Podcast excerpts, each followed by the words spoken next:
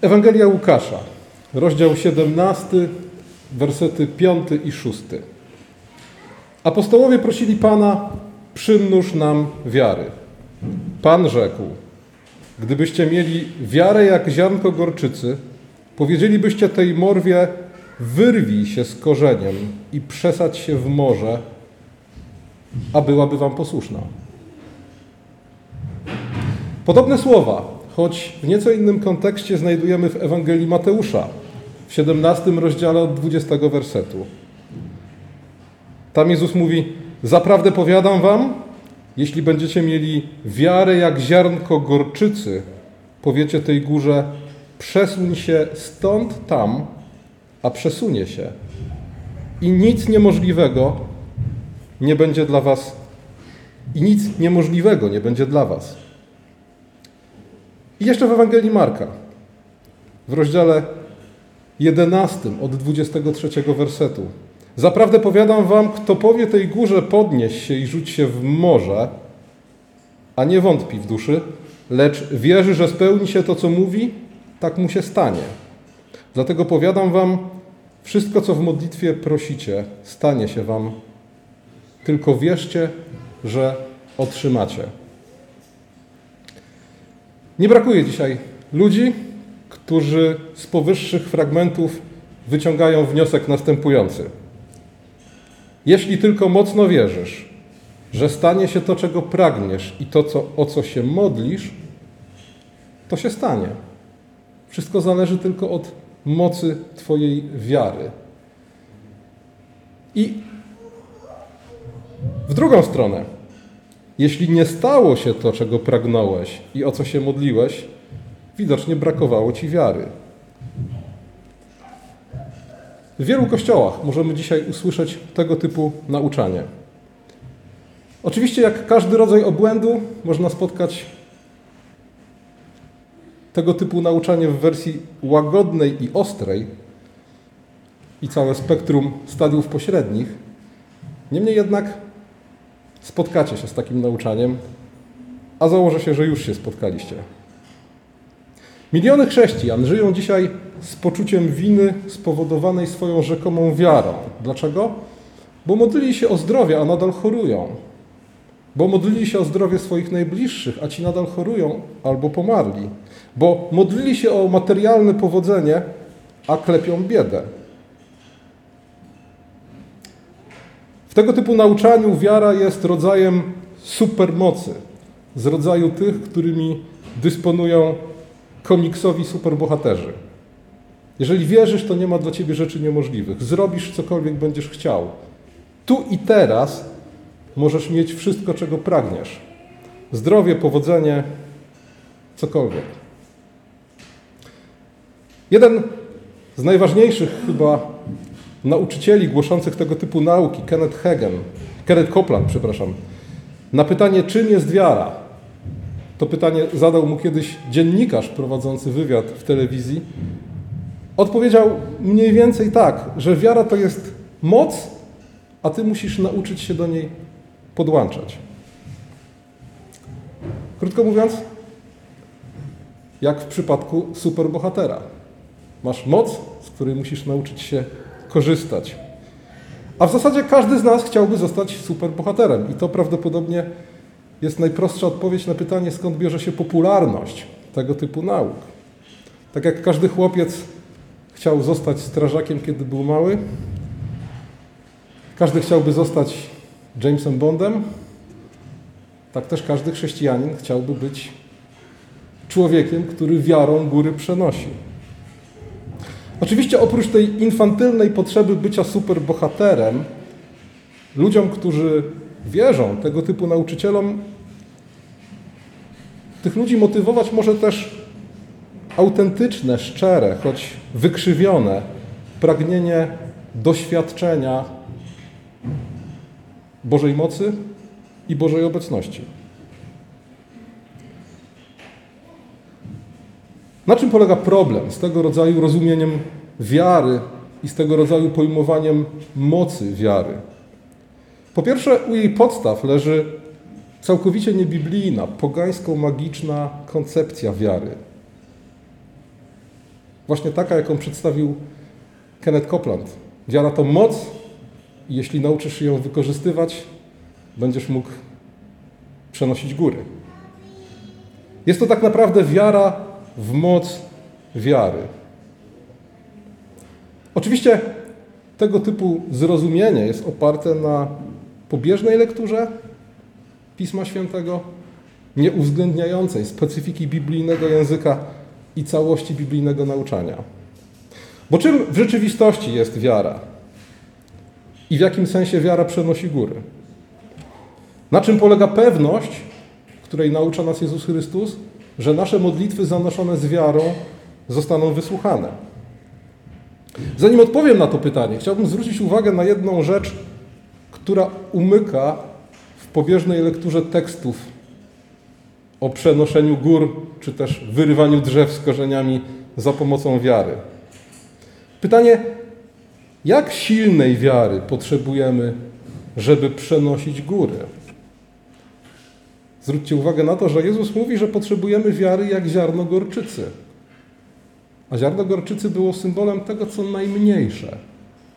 A zatem tak naprawdę Jezus nie mówi, chłopaki, potrzebujecie więcej wiary niż macie dzisiaj. Albo że potrzebujecie większej wiary niż ta, którą macie dzisiaj.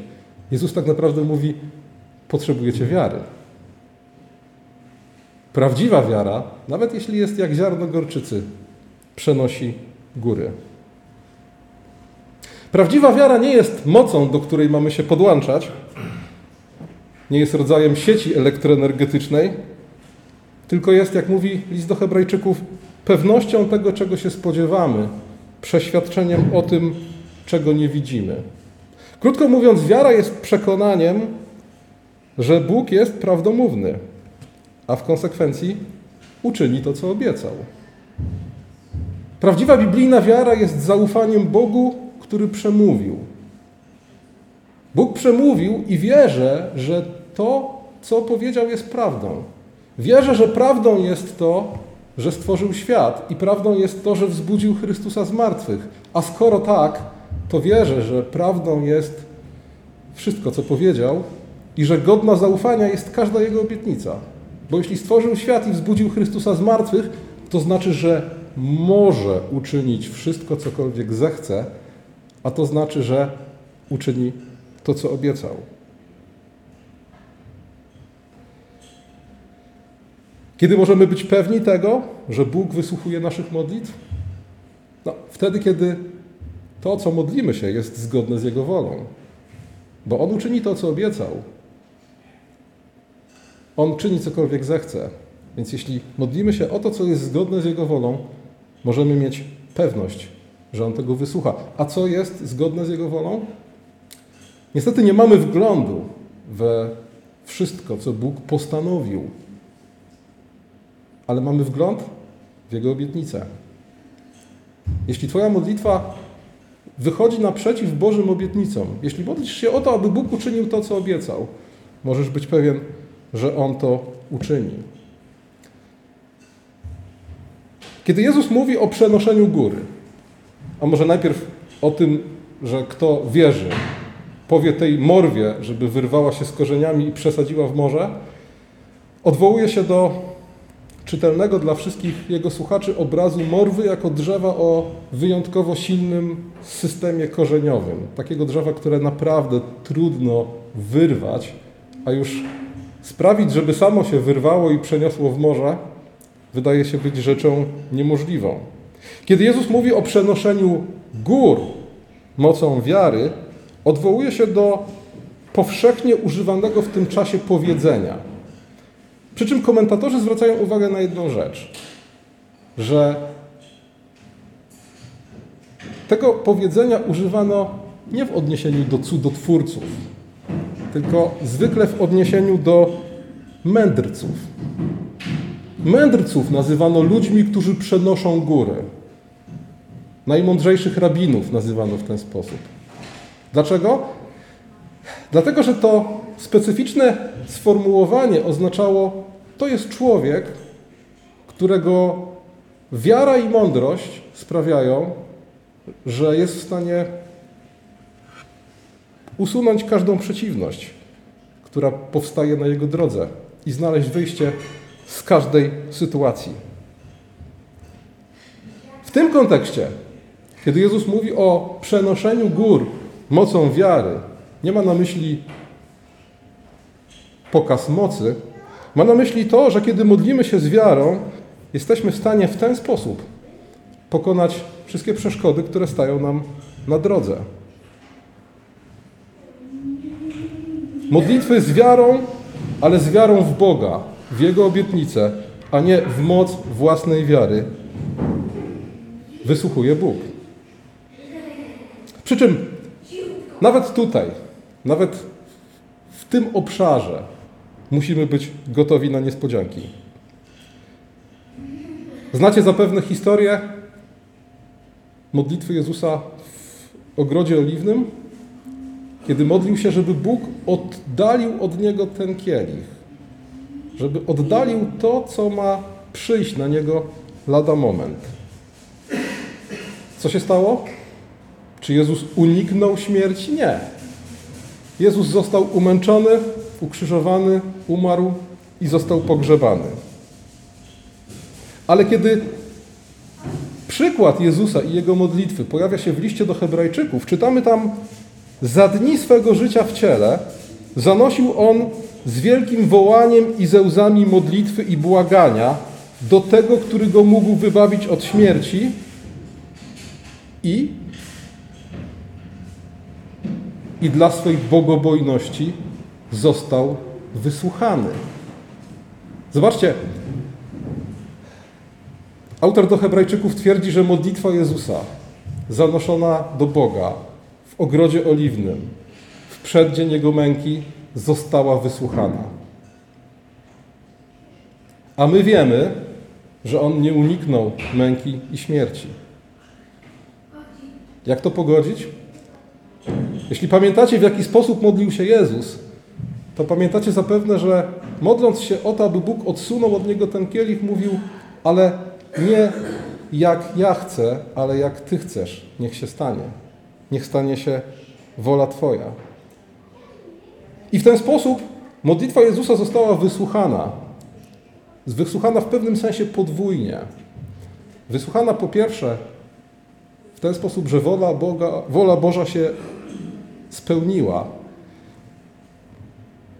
Ale dodatkowo można powiedzieć, że jeśli weźmiemy pod uwagę ten, to pierwsze wołanie Jezusa, odsuń ode mnie ten kielich, Bóg nie odsunął kielicha, ale sprawił, że na końcu tej historii Jezus znajduje się w pozycji sto razy lepszej, niż gdyby rzeczywiście nie było krzyża i grobu. Gdyby Jezus uniknął krzyża i grobu, nadal byłby mędrcem i nauczycielem. Przez jednych szanowanym, przez drugich uważanym za kontrowersyjnego i tyle.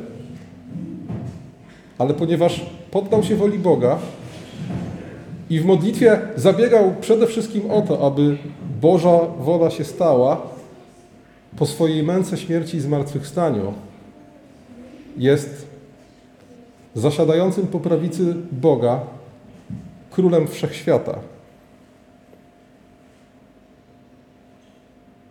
Kiedy sięgniecie do 11 rozdziału listu do Hebrajczyków i poczytacie sobie o tych, których Biblia nazywa bohaterami wiary, to można dojść do wniosku, że z perspektywy tego, czego nauczają przedstawiciele tak zwanego ruchu wiary, Ci bohaterowie wiary z 11 rozdziału listu do Hebrajczyków, zwłaszcza ci od 36 wersetu, to jest jakiś, mówiąc młodzieżowym językiem, klub przegrywów. Bo co czytamy o nich? Zostali zamęczeni na śmierć, doznali szyderstw i biczowania, więzów i więzienia, byli kamieniowani, paleni, przeżynani piłą, zabijani mieczem, Błąkali się w owczych i kozich skórach, wyzuci ze wszystkiego, uciskani, poniewierani, tułali się po pustyniach i górach, po jaskiniach i rozpadlinach. I co więcej, choć dla swej wiary zdobyli, zdobyli chlubne świadectwo, nie otrzymali tego, co głosi obietnica.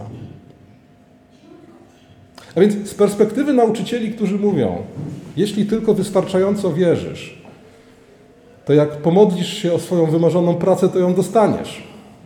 Jak będziesz się wystarczająco długo modlił, to będziesz młody, zdrowy, piękny i bogaty. Z perspektywy tego typu nauczycieli, bohaterowie wiary z 11 rozdziału listu do Hebrajczyków to klub przegrywów.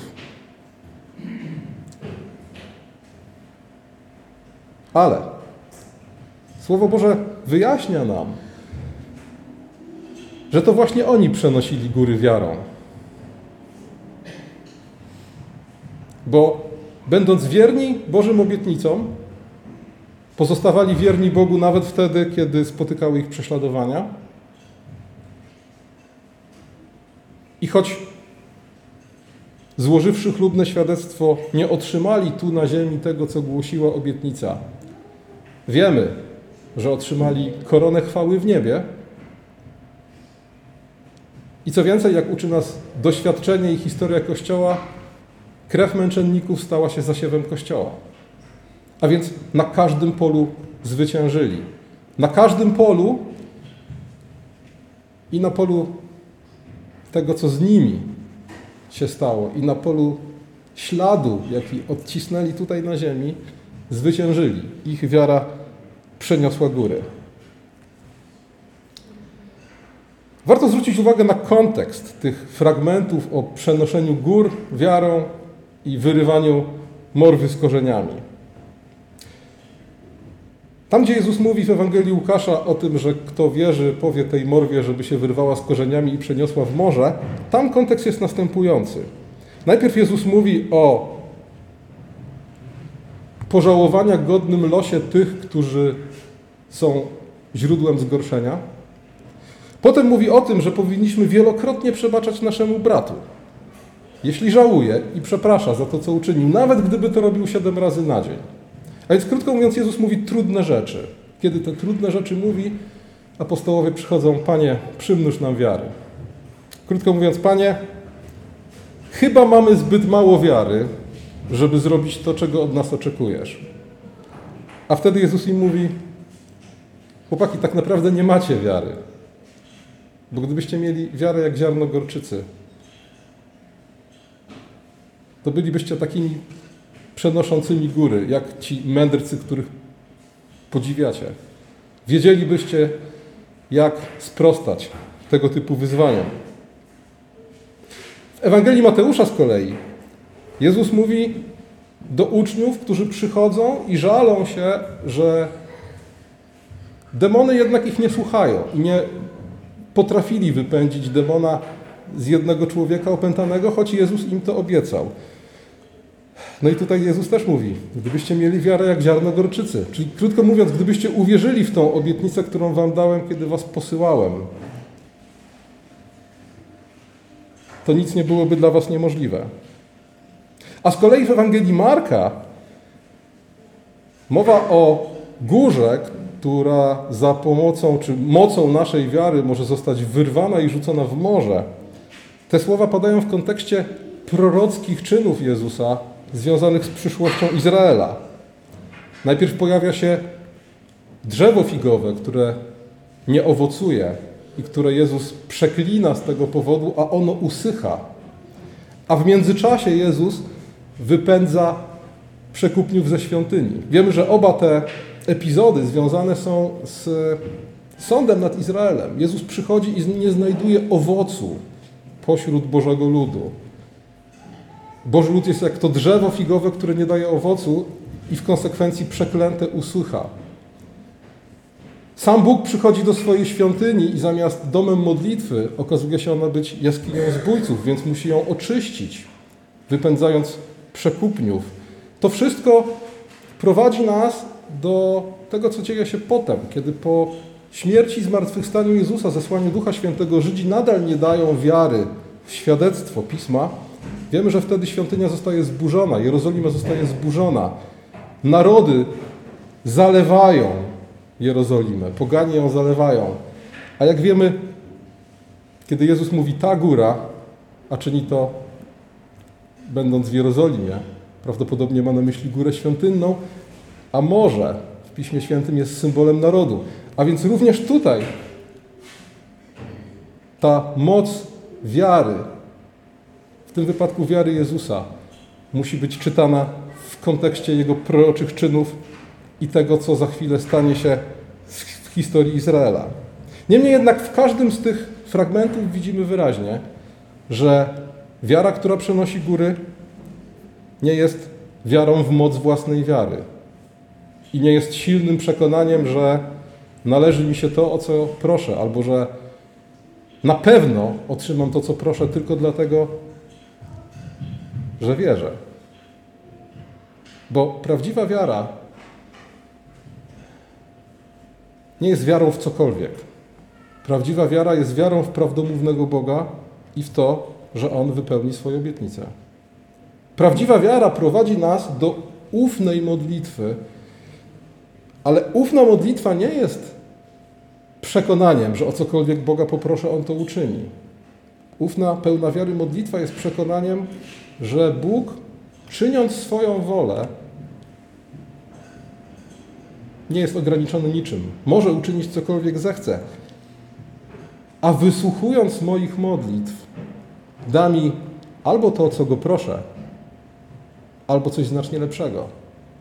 Tak jak w przypadku Jezusa, który prosił o to, aby uniknąć, aby uniknął krzyża, ale dla swojej bogobojności, jak mówi Pismo, został wysłuchany i otrzymał coś daleko więcej.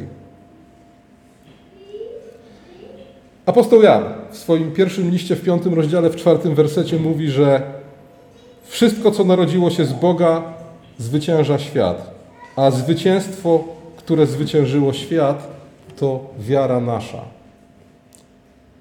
Nasza wiara, nawet jeśli jest jak ziarno gorczycy, zwycięża świat.